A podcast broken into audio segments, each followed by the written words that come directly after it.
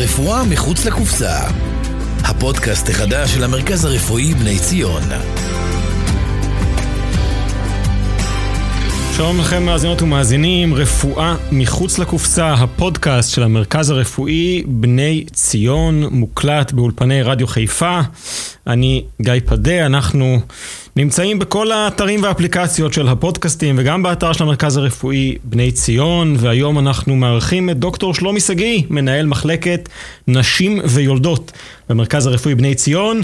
ואנחנו מדברים על חדשנות בחדר לידה, וכמו שאני אומר את זה, זה נשמע לי מסקרן, ותכף נבין מה זה בדיוק אומר. דוקטור שגיא, שלום לך, מה שלומך? שלום, מצוין, כיף לבוא לכאן ולדבר על דברים טובים. דברים טובים, בהחלט. חדר לידה זה תמיד נראה לי המחלקה הכיפית בבית חולים, המקום שבו אנשים באים אה, לטוב. נכון מאוד. ברוב המקרים, בוא נגיד את זה ככה. אוקיי, okay, קיבלתי. בוא נדבר רגע, לפני שנדבר על חדשנות, ננסה לסכם את השנה הזאת, שנה מורכבת, מאתגרת בכל הענפים, אני מניח גם אצלכם. שנה מאתגרת במיוחד, עם כל החששות שהיו, עם כל הפחדים מכל הכיוונים וכל הצדדים. אה, אני מוכרח להגיד שכולם, כולנו, כולם חשבו שתשעה חודשים אחרי שהתחילה הקורונה, יהיה בייבי בום. איזה בייבי בום מטורף, כי כולם בבית 24 שעות ביממה. נכון. אה, אז זהו, שזה לא קרה. באמת? ובאמת, אה, כנראה שהשהייה 24 שעות ביממה בבית דווקא הורידה את החשק, ככה זה נראה. אה, אבל האמת שנראה לי שזה בעיקר היה הפחד מהלא נודע, וככל שהזמן עבר והפחד ירד, אז היום אנחנו רואים את התוצאה של הירידה של הפחד, ובעצם היום יש לנו ממש בייבי בום. אה, כן? חדרי הלידה אה, די מלאים, אנחנו בימים האחרונים פשוט מלאים בלידות, וזה כיף גדול. אמ, כן, אז הנה, זה מה שקרה בשנה האחרונה. חלק מההתחדשות של היציאה מה, מהמגפה והסגרים, יפה, מצוין, אז אנחנו... ככה. נהדר. אה, סימן גם חיובי ככה לסיים איתו את, את השנה הזאת. אז בואו נדבר, אה, בוא נדבר קצת אה, אה, חדשנות, נשים ליולדות, אני חושב, משחר ההיסטוריה, אלפי שנים. הפעולה עצמה נראה לי נשארה בבסיסה אותה פעילה. אז מה הקשר בעצם, איך מתחבר חדשנות ללידה? אז uh, קורים הרבה דברים מעניינים בעולם הרפואה ובעולם התמיכה, הפארה-רפואי מה שנקרא, uh, בכל הנושא של מיילדות, ואני רוצה לספר לכם כמה דברים מאוד מעניינים שקורים. אה, מצד אחד קורים תהליכים גדולים, כשהניסיון כמובן בכל העולם וגם אצלנו זה להוריד כמה שיותר סיבוכים. Mm-hmm. כולנו רוצים אימא בריאה וילד בריא, וזה כמובן המטרה העילאית של כל התהליך הזה של הלידה. ויחד עם זה, אה, יש את, ה, את הגל או את האחוז הזה שירצה דווקא ללכת אה, לטבע, mm-hmm. ללידות טבעיות וכמה שפחות התערבויות, ואנחנו מכבדים מאוד מאוד ומעודדים ותומכים בכל מי שתרצה את זה. אז אנחנו נדבר גם על החלק הזה הטבעי וגם נדבר על החלק הרפואי יותר. רק כדי לחדד, אתה אומר בעצם, זה שתי מגמות שונות שהן לאו דווקא משתלבות ביחד, אבל שתיהן מתקיימות ובשניהם יש חידושים ושינויים. אה, נכון, הדברים הם אה, שלובים אחד בשני. אוקיי. אה, אני אדבר אולי קודם על הנושא של הרפואה, או של הלידה הטבעית וכל התמיכה, מערכת תמיכה שאנחנו היום עושים. אחד הדברים היפים שקורים כרגע בחדרי לידה אצלנו, זה כל הנושא של רפואה משלימה, שאם בעבר הרחוק נראה לחלק מהרופאים שזה משהו שהוא... אתה יודע, אסור להכניס אותו לחדר לידה כי הוא מסוכן וכולי, mm-hmm. היום זה פשוט אה, מדהים. אתה יכול אה, לעבור בחדר לידה בשעות הבוקר ולראות אישה עם אפידורל, בלי אפידורל, לידה טבעית, לא לידה טבעית, ולידה מטפלת שעושה רפלקסולוגיה, עושה שיאצו, עושה דיקור סיני. שמעתי שיש פינוקים, אז באמת, אה, איך זה עובד הדבר הזה? כן, אז זהו, לפעמים זה נראה כמו ספא כזה, שיש איזה מטפלת, וקודם כל עצם זה שהמטפלת נכנסת לחדר, כבר אתה רואה את כל הרוגע, כולם נרגעים, יש להם גם את הטון הזה, אתה יודע, הטון המרגיע וזה כיף גדול. בעצם המטרה של הרפואה המשלימה, חוץ מלהרגיע, אה, היא בעצם לעודד את הלידה. אז אה, דיברנו קודם מילה על רפואה טבעית או על לידות טבעיות. אז באמת הטיפולים האלה יודעים ללחוץ ולגעת ולגרות נקודות ברגל מסוימות, mm-hmm. שבעצם מפרישות את האוקסיטוצין הטבעי, זה אותו חומר שעושה את הצירים ובעצם מקדם את וואלה. הלידה. אז אנחנו משתמשים בזה גם באישה שכבר נמצאת בלידה, משתמשים בזה גם ביולדות שצריך לזרז לידה בצורה טבעית. והשילוב הזה של, של רפואה משלימה שהיא גם עוזרת לתהליך של הלידה מצד אחד, כן. ומצד שני היא גם עוזרת בהרגעה. השילוב הזה הוא מצוין, וזה לא רק ללידות טבעיות, זה אנחנו מציעים את זה כשירות לכל אנשים. בעצם כל משמרת בוקר יש לנו, כמו שיש מיילדות ורופאים, יש גם רופא, מטפלת ברפואה משלימה. והיא עוברת בחדרים, ולפי הצורך, ואם הלידה לא מתקדמת מספיק טוב, אז אנחנו מביאים אותה והיא עושה קצת גירוי אה, של הנקודות, ואם אישה נורא בלחץ, אז עובדים יותר על נושא של חרדה, וזה עובד, השילוב הוא פנטסטי. מדהים, כי היו, היו שנים בעבר שלפעמים היה איזו הסתכלות uh, קצת... אני יודע, עקומה על הגישה הטבעית, אתה אומר, חיבק, נשמע שממש חיבקתם, אימצתם את העניין הזה בלב שלם. לגמרי, חיבקנו. כשהתחלנו עם זה, אה, לפני כמה שנים זה היה נראה מאוד מוזר. Mm-hmm. למזלי בחדה, בבית חולים בני ציון יש אה, ממש מערכת אה, מאוד מאוד גדולה של רפואה משלימה, ונוצר הקשר האישי וה, והמקצועי, וזה עובד בצורה פנטסטית, על בסיס יומיומי. אני מאוד מקווה שבהמשך... אה, ככל שהדברים יתקדמו, נוכל לתת את השירות הזה גם בשעות הערב והלילה. כרגע זה בשעות הבוקר. ודבר אחרון באספקט הזה, וזה כבר לא רק הרפואה המשלימה, אלא כל המילדות, אה, דיברת על פינוקים קודם, כן. אז באמת יש אה, שימוש מאוד מאוד נרחב בשמנים, שמנים ארומטיים, שמנים שנותנים ריח טוב, שמנים שמרככים את כל אזור הפרינאום, mm-hmm. המילדות משתמשות בזה המון. אה, עשינו על זה אפילו מחקרים שהראו שזה טוב גם בהחלמה של כל האזור של הקרעים וגם באזור של ניתוחים קיסריים. בקיצור, הרבה אה, עבודה פארה-רפואית נקרא לה, שהיא בסך הכל משלימה ורק עוזרת. מרתק, ואת זה אתם בעצם מציעים היום לכולם. לכולם. לכולם. זאת אומרת, אני יכול גם לבוא לבית חולים בלי שאני, בהכ... ל... ל... ללידה, בלי שבהכרח התכוונתי או תכננתי את הדברים האלה, וזה שירות ש... שקיים. לגמרי. מדהים. אה, ואני מבין שיש גם חדר לידה טבעי.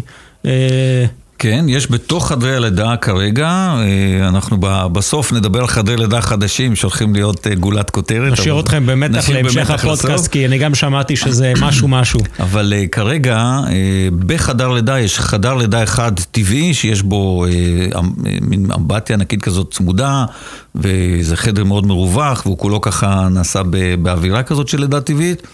אה, זה לא אומר שאי אפשר ללדת לידה טבעית בכל החדרים האחרים, פשוט בחדר הזה יותר נוח, יותר קל. אז אם הוא לא תפוס, אה, אז אנחנו בדרך כלל מציעים את זה לנשים שרוצות לידה טבעית, וזה עובד מצוין. ואני מתאר לעצמי, לפני שנדבר גם על אה, חידושים, על החידושים הרפואיים, שאתה בעצם גם אולי מזמין את הנשים שרוצות ללדת בלידה טבעית, לא לפחד, אולי פעם היה איזה חשש שצריך ללדת טבעי, אולי אני לא ילד בבית חולים. תבואו, תלדו, אנחנו... אה, קשובים ופתוחים, לה... אנחנו איתכן. לגמרי, ויש פה גם את התהליך של הדולות שלא דיברנו עליו, שהוכנסו לחדר לידה כבר לפני כמה שנים. Mm-hmm.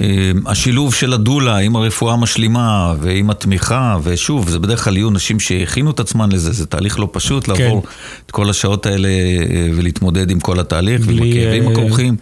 אבל לנשים שרוצות ומוכנות לזה, זו חוויה מעצימה מאוד, ואנחנו נותנים את כל התמיכה האפשרית. יפה, טוב לדעת, תרשמו לעצמכם מה שנקרא יולדות, אה, יולדות ויולדות לעתיד אה, את, הדברים. אה, בוא נדבר, על, בוא נדבר על החידושים, דיברנו על החידושים בטבעי, בוא נדבר על החידושים, על החידושים הרפואיים, מה בעצם משתנה שם, מה מתחדש שם. אז סליחה, יש פה הרבה נושאים ש, שקורים בהם דברים וזה מעניין. אני אתחיל אולי עם, עם דבר קטן, עוד לפני ממש חידוש רפואי, כבר בלידות רגילות היום, אה, אחד הסיבוכים שאנחנו תמיד אה, מנסים למנוע אותו זה קרעים מתקדמים באזור החיץ, מה שנקרא, באזור הכניסה לנרתיק. ואנחנו אימצנו לאחרונה שיטה חדשה שהיא הומצאה בפינלנד, mm-hmm. והדגימה ירידה משמעותית בקרעים המתקדמים. אוקיי. Okay. אה, ולאחרונה ממש נעשה שימוש יומיומי בדבר הזה, יש הרבה מחקרים שמראים שזה הוריד משמעותית בכל הארצות שאימצו את זה. בעיקר בסקנדינביה זה התחיל, והיום באירופה לאט לאט מאמצים את השיטה. שלחנו מילדות לעשות את ההתלמדות של, התח... של המנובר של השיטה ו... הזאת, שמה, ומישהי משם באה לפה ולימדה את, ה... את המילדות. אז בעצם היום כשמקבלים את הלידה, משתמשים במנובר הזה, ובאמת אנחנו, עוד קשה להגיד אם זה באמת הוריד את זה, כי זה למזלנו קרעים נדירים, וצריך כמה שנים לראות באמת את השכיחות, אבל שוב, לפי כל הספרות הרפואית זה באמת משנה את העניין הזה. בלי קשר לזה, עשינו מחקר לפני שלוש-ארבע שנים על הנושא של אפיזיוטומיה, אותו חתך חיץ מפורסם. Okay. אוקיי. ודי הראינו במחקר הגדול הזה, היה על 600 נשים שהסכימו להשתתף. מחקר שלכם בבני ציון? בבני ציון, שהוא פורסם בעיתון מאוד מאוד יוקרתי, ובעצם הדגמנו שלמעשה אין צורך לעשות את החתך הזה בצורה רוטינית, כמו שבוצע קודם, או בצורה שכיחה.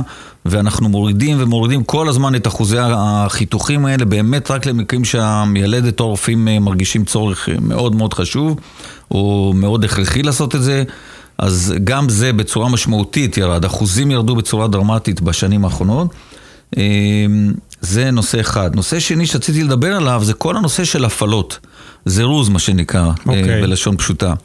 אז כשהכול הולך טוב, אז הכל טוב, אישה באה עם לידה, אתה יודע, צירים, יולדת, הכל מצוין. נכון. הבעיה היא שככל שהזמן עובר, אנחנו מזהים גורמי סיכון, לדוגמה, נשים עם יתר לחץ דם, מה שנקרא רעלת הריון, נשים עם סכרת הריונית, כן. נשים עם uh, גדילה לא תקינה של העובר, אתה פתאום מוצא סימנים בשליה שהיא לא תקינה, והעובר מאט את הגדילה, מיעוט מי שפיר, ויש עוד... Uh, גורמים נוספים שמראים לנו שהעובר או האמא נכנסים לאיזשהו מצב של סיכון, mm-hmm. במצבים האלה אנחנו ממליצים לעשות הפעלות לידה.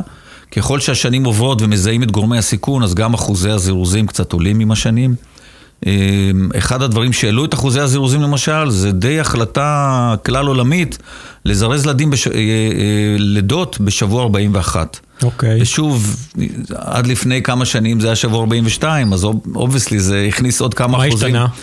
הכניס עוד כמה אחוזים של נשים שצריכות לעבור זירוז. מה שהשתנה זה שבמחקרים מאוד מאוד גדולים ראו, א', שהזירוזים לא מגדילים את הסיבוכים, זאת אומרת לא מעלים למשל ניתוחים, שזה השאלה הגדולה. אה, באמת? כי הייתה פעם אה, נכון. תפיסה כזאת, שיש סיכוי יותר גדול שתגיעי לקיסרי. בדיוק. ודבר שני, מסתבר שבשבועות האלה, ככל שמתקדמים מ-41 ומעלה, אחוז הסיבוכים הולך ועולה. אוקיי. אז גם סיבוכים, לא עלינו תמותה עוברית, גם סיבוכים של ירידה בכמות המים, בעיות של שליה. אה, העובר גדל בסביבות 250-300 גרם בחלק מהאנשים, זה וואו. מקשה את הלידה עצמה. אז מסתבר שאם אתה עושה זירוז ב-41, אתה מקטין את כמות הניתוחים בגלל כל הסיבוכים שימנעו. אם לא נחכה לשבוע 42. מה שנקרא הסיכונים של הזירוז מול הסיכונים של ההמתנה, הזירוז עדיף. בדיוק ככה. אוקיי. עכשיו, אז זה, זה מה שגורם לזה שיש יותר זירוזים באופן כללי בכלל בעולם ובכל המקומות, גם בארץ, גם אצלנו. בעצם זה משהו שהוא אה, היום אה, מחזה נפוץ בחדר לידה. אה, אז החידושים בעצם זה בשיטות. מה okay. אנחנו אוקיי. יכולים לעשות כדי להקל על אנשים? ופה עשינו שני מהלכים מאוד מאוד חשובים שמאוד מקלים על אנשים. אז אנחנו מדברים על נשים שצריכות לעבור זירוז, וצוואר הרחם לא בשל לכך. זאת אומרת, אין תנאים טובים להתחלה של לידה. Mm-hmm. עכשיו צריך בעצם, האישה צריכה לעבור תהליך של הבשלה וכניסה לתוך הלידה. פה יש לנו שני אמצעים בגדול, אחד זה אמצעי מכני, שמים בלון, אנחנו קוראים לזה בלשון הפשוטה, זה מין קתטר מצינורית עדינה שמחדירים לתוך הרחם, מנפחים בלון אחד בתוך הרחם ובלון אחד בנרתיק, הלחץ הממושך משני הצדדים של הצוואר, לאט לאט פותחים אותו. אז באופן מסורתי ובס... כגבר אפילו, אני חייב להגיד, זה לא נשמע נעים. כן, זה נכון, אבל האמת שזה לא נורא. Okay. זאת אומרת, אוקיי. זה לא, אין פה, זה לא כרוך בכאב. Okay. אוקיי. יש אי נעימות בא, אולי בהחדרה של, הב, של הקתטר הזה, אבל זה קתטר דק מאוד. Mm-hmm. ובאמת, אחרי שהוא בפנים, הוא, הוא לא כואב, פשוט יש תחושת לחץ שהיא טבעית.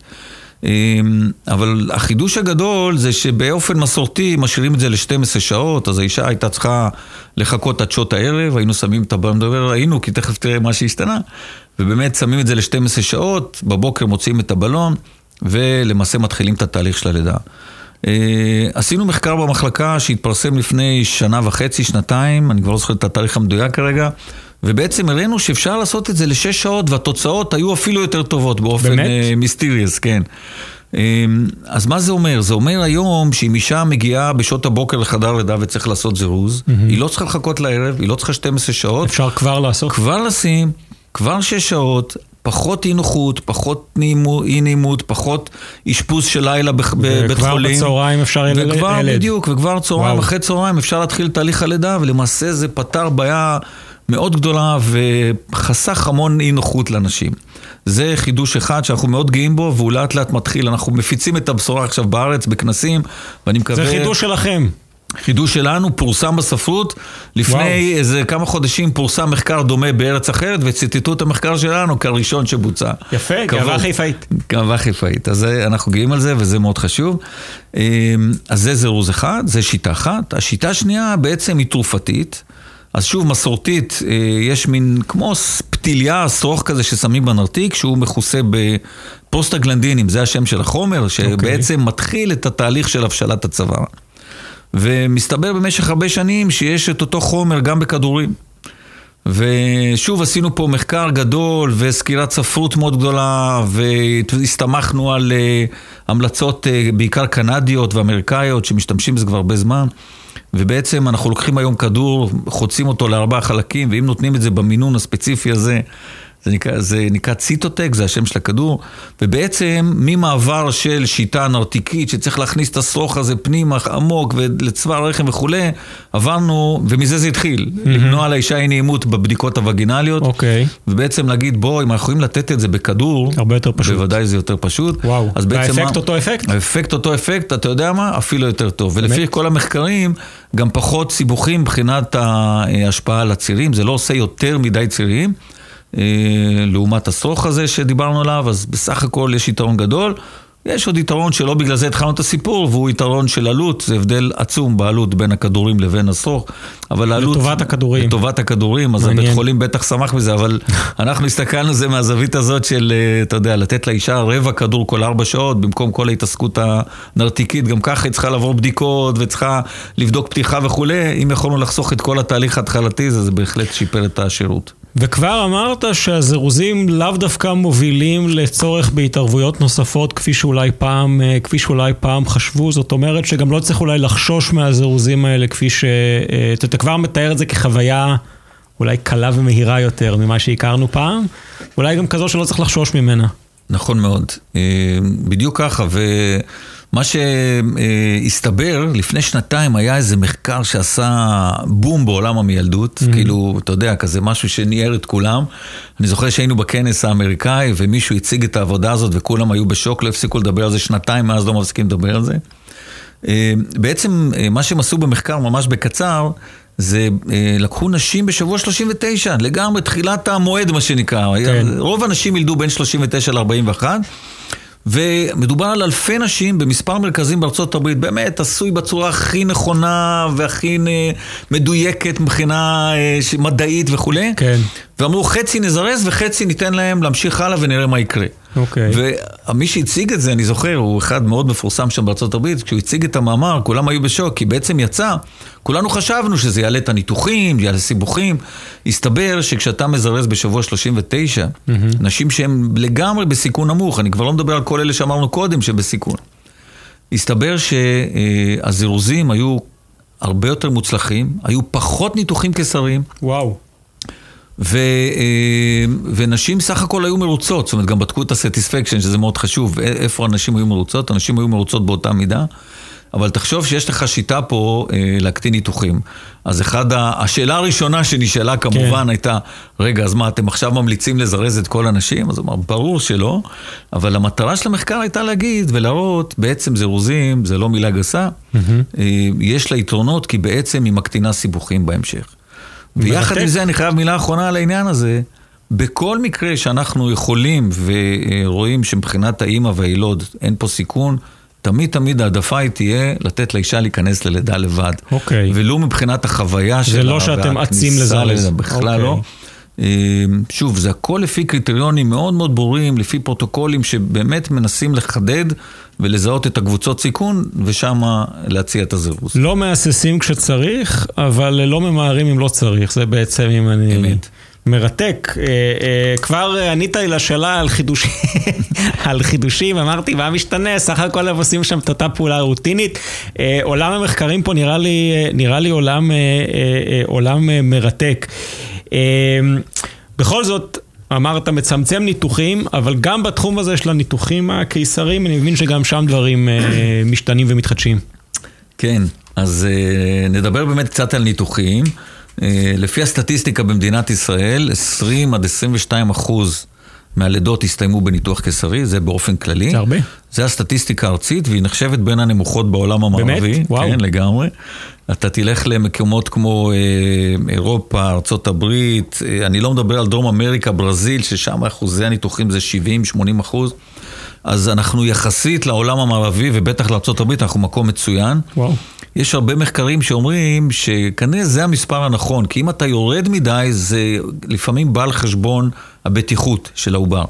אבל זה, זה המספר, ורובנו מתייצבים סביבו, גם אצלי במחלקה זה בסביבות ה-20, 22, אז תהיה שנה שזה יהיה 23 אחוז ויהיה שנה 21, אבל זה בערך הכיוון.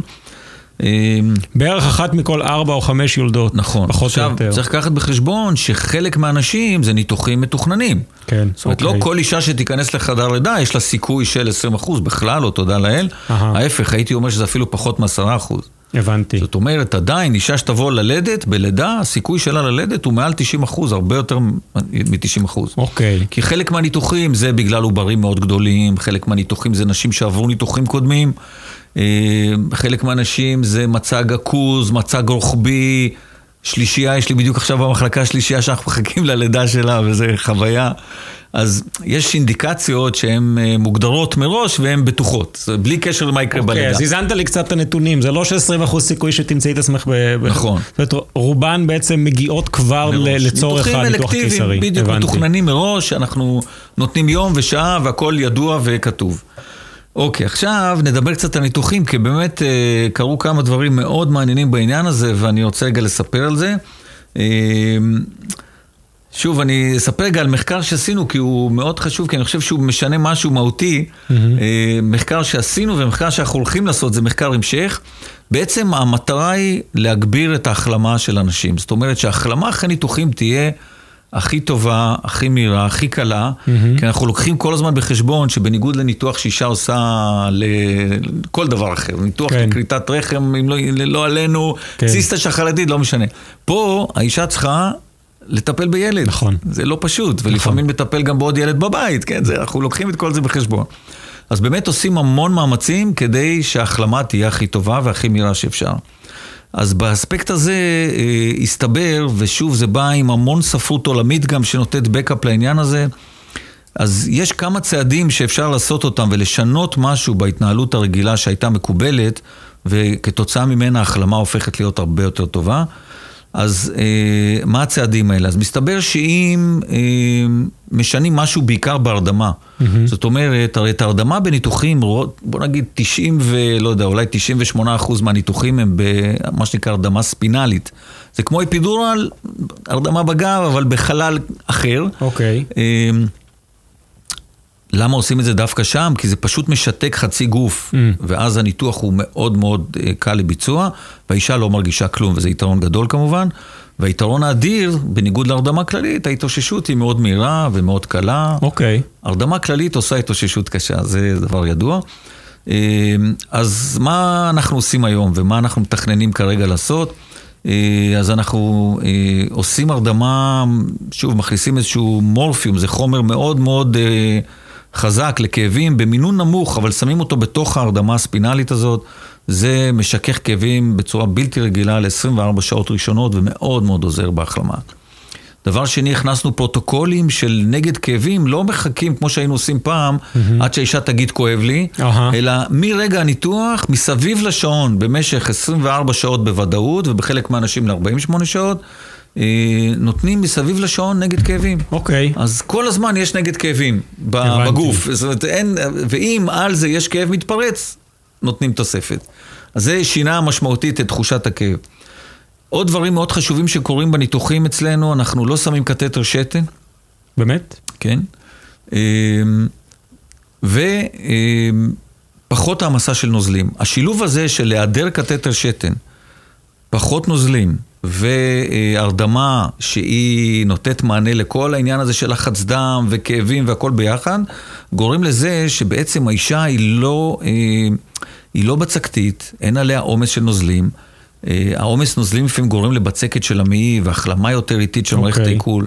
כל התהליכים האלה שעכשיו אמרתי ככה בקצה, בקצה המזלג, נשמע לי פחות מחוברת למכשירים, פחות נכון. דבוקה למיטה. בדיוק ככה, והדבר הכי מדהים זה שאם אתה אה, מנסה, וזה מצליח ברוב המקרים, אנשים אחרי 4, 5, 6 שעות קמות מהמיטה. שזה וואו. חידוש גדול מאוד. אז היכולת לקום מהמיטה היא כתוצאה מכל השילוב של האמצעים האלה שאנחנו עושים. שהם קשורים הרבה לכל נושא ההרדמה מסביב. אבל אה, לא רק, זאת אומרת, זה הכל ביחד, זה גם הרדמה, גם היעדר קתטר שתן. היא יכולה לקום ולתת שתן אחרי כמה שעות, ומסתבר שזה עובד, ועובד מצוין. זה מרשים, כי גם אחרי לידה רגילה צריכה כמה שעות, נראה לי, האישה צריכה לנוח, לשכב לנוח, זאת אומרת, כבר צמצמתם את הפער בין שני נכון, המצבים. לגמרי, אתה צודק מדהים. לגמרי. ושוב, זה לא כי רוצים לשבור פה שיאים או משהו, אלא פשוט, הניסיון מלמד והמחקרים מלמדים, שכשקמים מוקדם, מחלימים יותר מהר. Mm. זה הסיפור. וואלה. אז זה, זה שילוב של כל הדברים. עוד משהו חשוב מאוד בנושא של ניתוחים, ובזה אני אסיים את החלק של הניתוחים, זה בעצם, אה, זה כבר עניין טכני, אבל שמאוד משפיע על, ה, על, ה, על הניתוח. אז אנחנו משתמשים בתפרים מאוד מאוד אה, חדשניים, mm-hmm. שבעצם גם לגבי סגירת הרחם, אז הסגירת הרחם נעשית בתפרים כאלה שבעצם סוגרים את הרחם בשתי שכבות, וזה נותן ביטחון יותר חזק. והחידוש האחרון זה הנושא של סגירת האור. אז במשך שנים, שנים, שנים היינו סוגרים עם סיכות את האור, זו סגירה מאוד מהירה ומאוד פשוטה, היא נותנת מענה בסדר גמור, נותנת אה, מענה אסתטי בסדר גמור.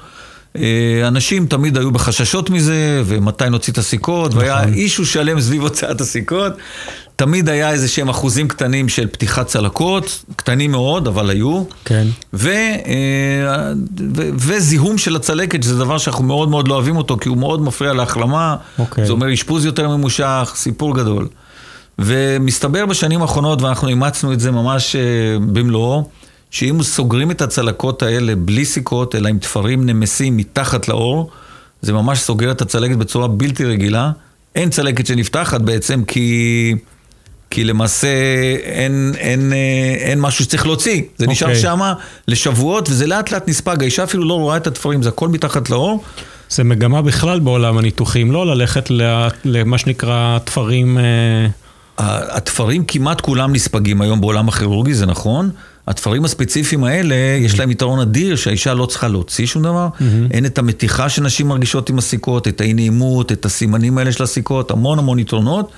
והדבר הכי חשוב זה גם אה, מונע פתיחות צלקות ומונע זיהומים בצורה משמעותית. דבר אחרון שאנחנו שמים על הצלקת היום, וזה השילוב, ה, נקרא לזה האידיאלי, זה גם סגירה, כמו שהסברתי, של האור עם התפר הנספג, וגם שמים דבק ביולוגי, זה נקרא דרמבון, ממש דבק ששמים על האור. אחרי שהאור נסגר, שמים דבק, זה מין uh-huh. סנטימטר כזה של כמו שכבה, זה כמו לקה נגיד, נקרא לזה ככה, זה מבריק כזה, זה אוטם את הצלקת. למה עושים את זה? שתי סיבות. אחת, רפואית חשובה מאוד. בעצם זה שוב, זה מקטין עוד יותר את כמות הזיהומים. וואו. היה לנו בשנה האחרונה מתק. אחוז זיהומים מזערי, אה, וזה, אנחנו מאוד מאוד גאים בדבר הזה. ודבר שני, זה מונע מהאישה, לא צריך לשים לא, לא פד ולא מרפדים ולא שום דבר, כלום כלום כלום. חמש דקות אחרי הניתוח, לא צריך לשים על הבטן שום דבר. והדבר הזה לאט לאט מתמוסס ונעלם לו. כן. fancy stuff. שמע, שאמרנו בהתחלה חדשנות בחדר הלידה, אז באמת אה, חדשנות בחדר הלידה, עולם, אה, עולם שלם, איזה יופי. אה, בואו נסכם ב... ב... דיברנו ככה לידה והטבעי ורפואי וחדר לידה ומה שנקרא רמזו לי, שמעתי שיש בדרך בבני ציון חדרי לידה חדשים, ואפילו אמרו לי, לא סתם, שהם הכי יפים במזרח התיכון. זה נכון? אה, אני לא יודע אם רק במזרח התיכון, אתה יודע, אני לא בדקתי את כל חדרי הלידה. אבל אני אגיד לך ככה, תשמע, זה הולך להיות משהו מדהים במיוחד. אה, החדרים האלה כבר קיימים בעצם, אז כל פעם שאנחנו נכנסים לשם כולם כזה וואו, כי פשוט בנו קומה שלמה באוויר, זה קומה שמונה, אוקיי. משקיף לים, קיר אחד שלם, תדמיין, אתה נכנס לחדר וכל הקיר שפונה לים זה הכל זכוכיות. וואו. amazing. בכל חדר מקלחת שירותים צמודים, וממש אמבטיה כזאת, כמו איזה ג'קוזי בתוך החדר, ככה בצד, אה, עם פינת ישיבה נחמדה לבעל. בקיצור, זה הולך להיות משהו אה, מדהים במיוחד. אה, חדר ניתוח מהחדשים והמדהימים שיש, התאוששות יפהפייה. קיצור, מתחם שלם שממש עוד, אנחנו כולנו בהתרגשות ומחכים כבר שייפתח. אה, הצפי הוא בעוד שלושה חודשים בערך, זאת התוכנית, אני מקווה באמת שנעמוד בזה, פלוס מינוס, אתה יודע, תמיד יש איזה עיכובים קטנים. מה שנקרא עוד ב-2021. אבל 2021, התקווה היא שאנחנו יוצאים לדרך עם חדר לידה באמת מהיפים שיש. תענוג. שווה ללדת. שווה ללדת, בדיוק. דוקטור שלומי שגיא, מנהל מחלקת נשים ויולדות בבני ציון, תודה על השיחה המאירת עיניים הזאתי. אה, וגם אה, לכם, המאזות והמאזינים, תודה לדודו אזולאי, הטכנאי שלנו. אנחנו היינו רפואה מחוץ לקופסה, הפודקאסט למרכז הרפואי בני ציון, מוקלט באולפני רדיו חיפה, אפשר למצוא אותנו בכל אפליקציות הפודקאסטים, ספוטיפיי, אפל ואחרים. אפשר גם לשמוע שם את הפרקים הקודמים. ומשפט סיום, דוקטור שגיא. תבואו ללדת, בכיף גדול, אנחנו אוהבים את זה, אוהבים את היולדות. וניפגש בחדרי לידה חדשים, ותודה רבה על השיחה, היה נעים ומעניין. היה, תודה. תע... היה תענוג גם לי, אז בואו ללדת ותהיו בריאים, זה הכי חשוב. רפואה מחוץ לקופסה, הפודקאסט החדש של המרכז הרפואי בני ציון.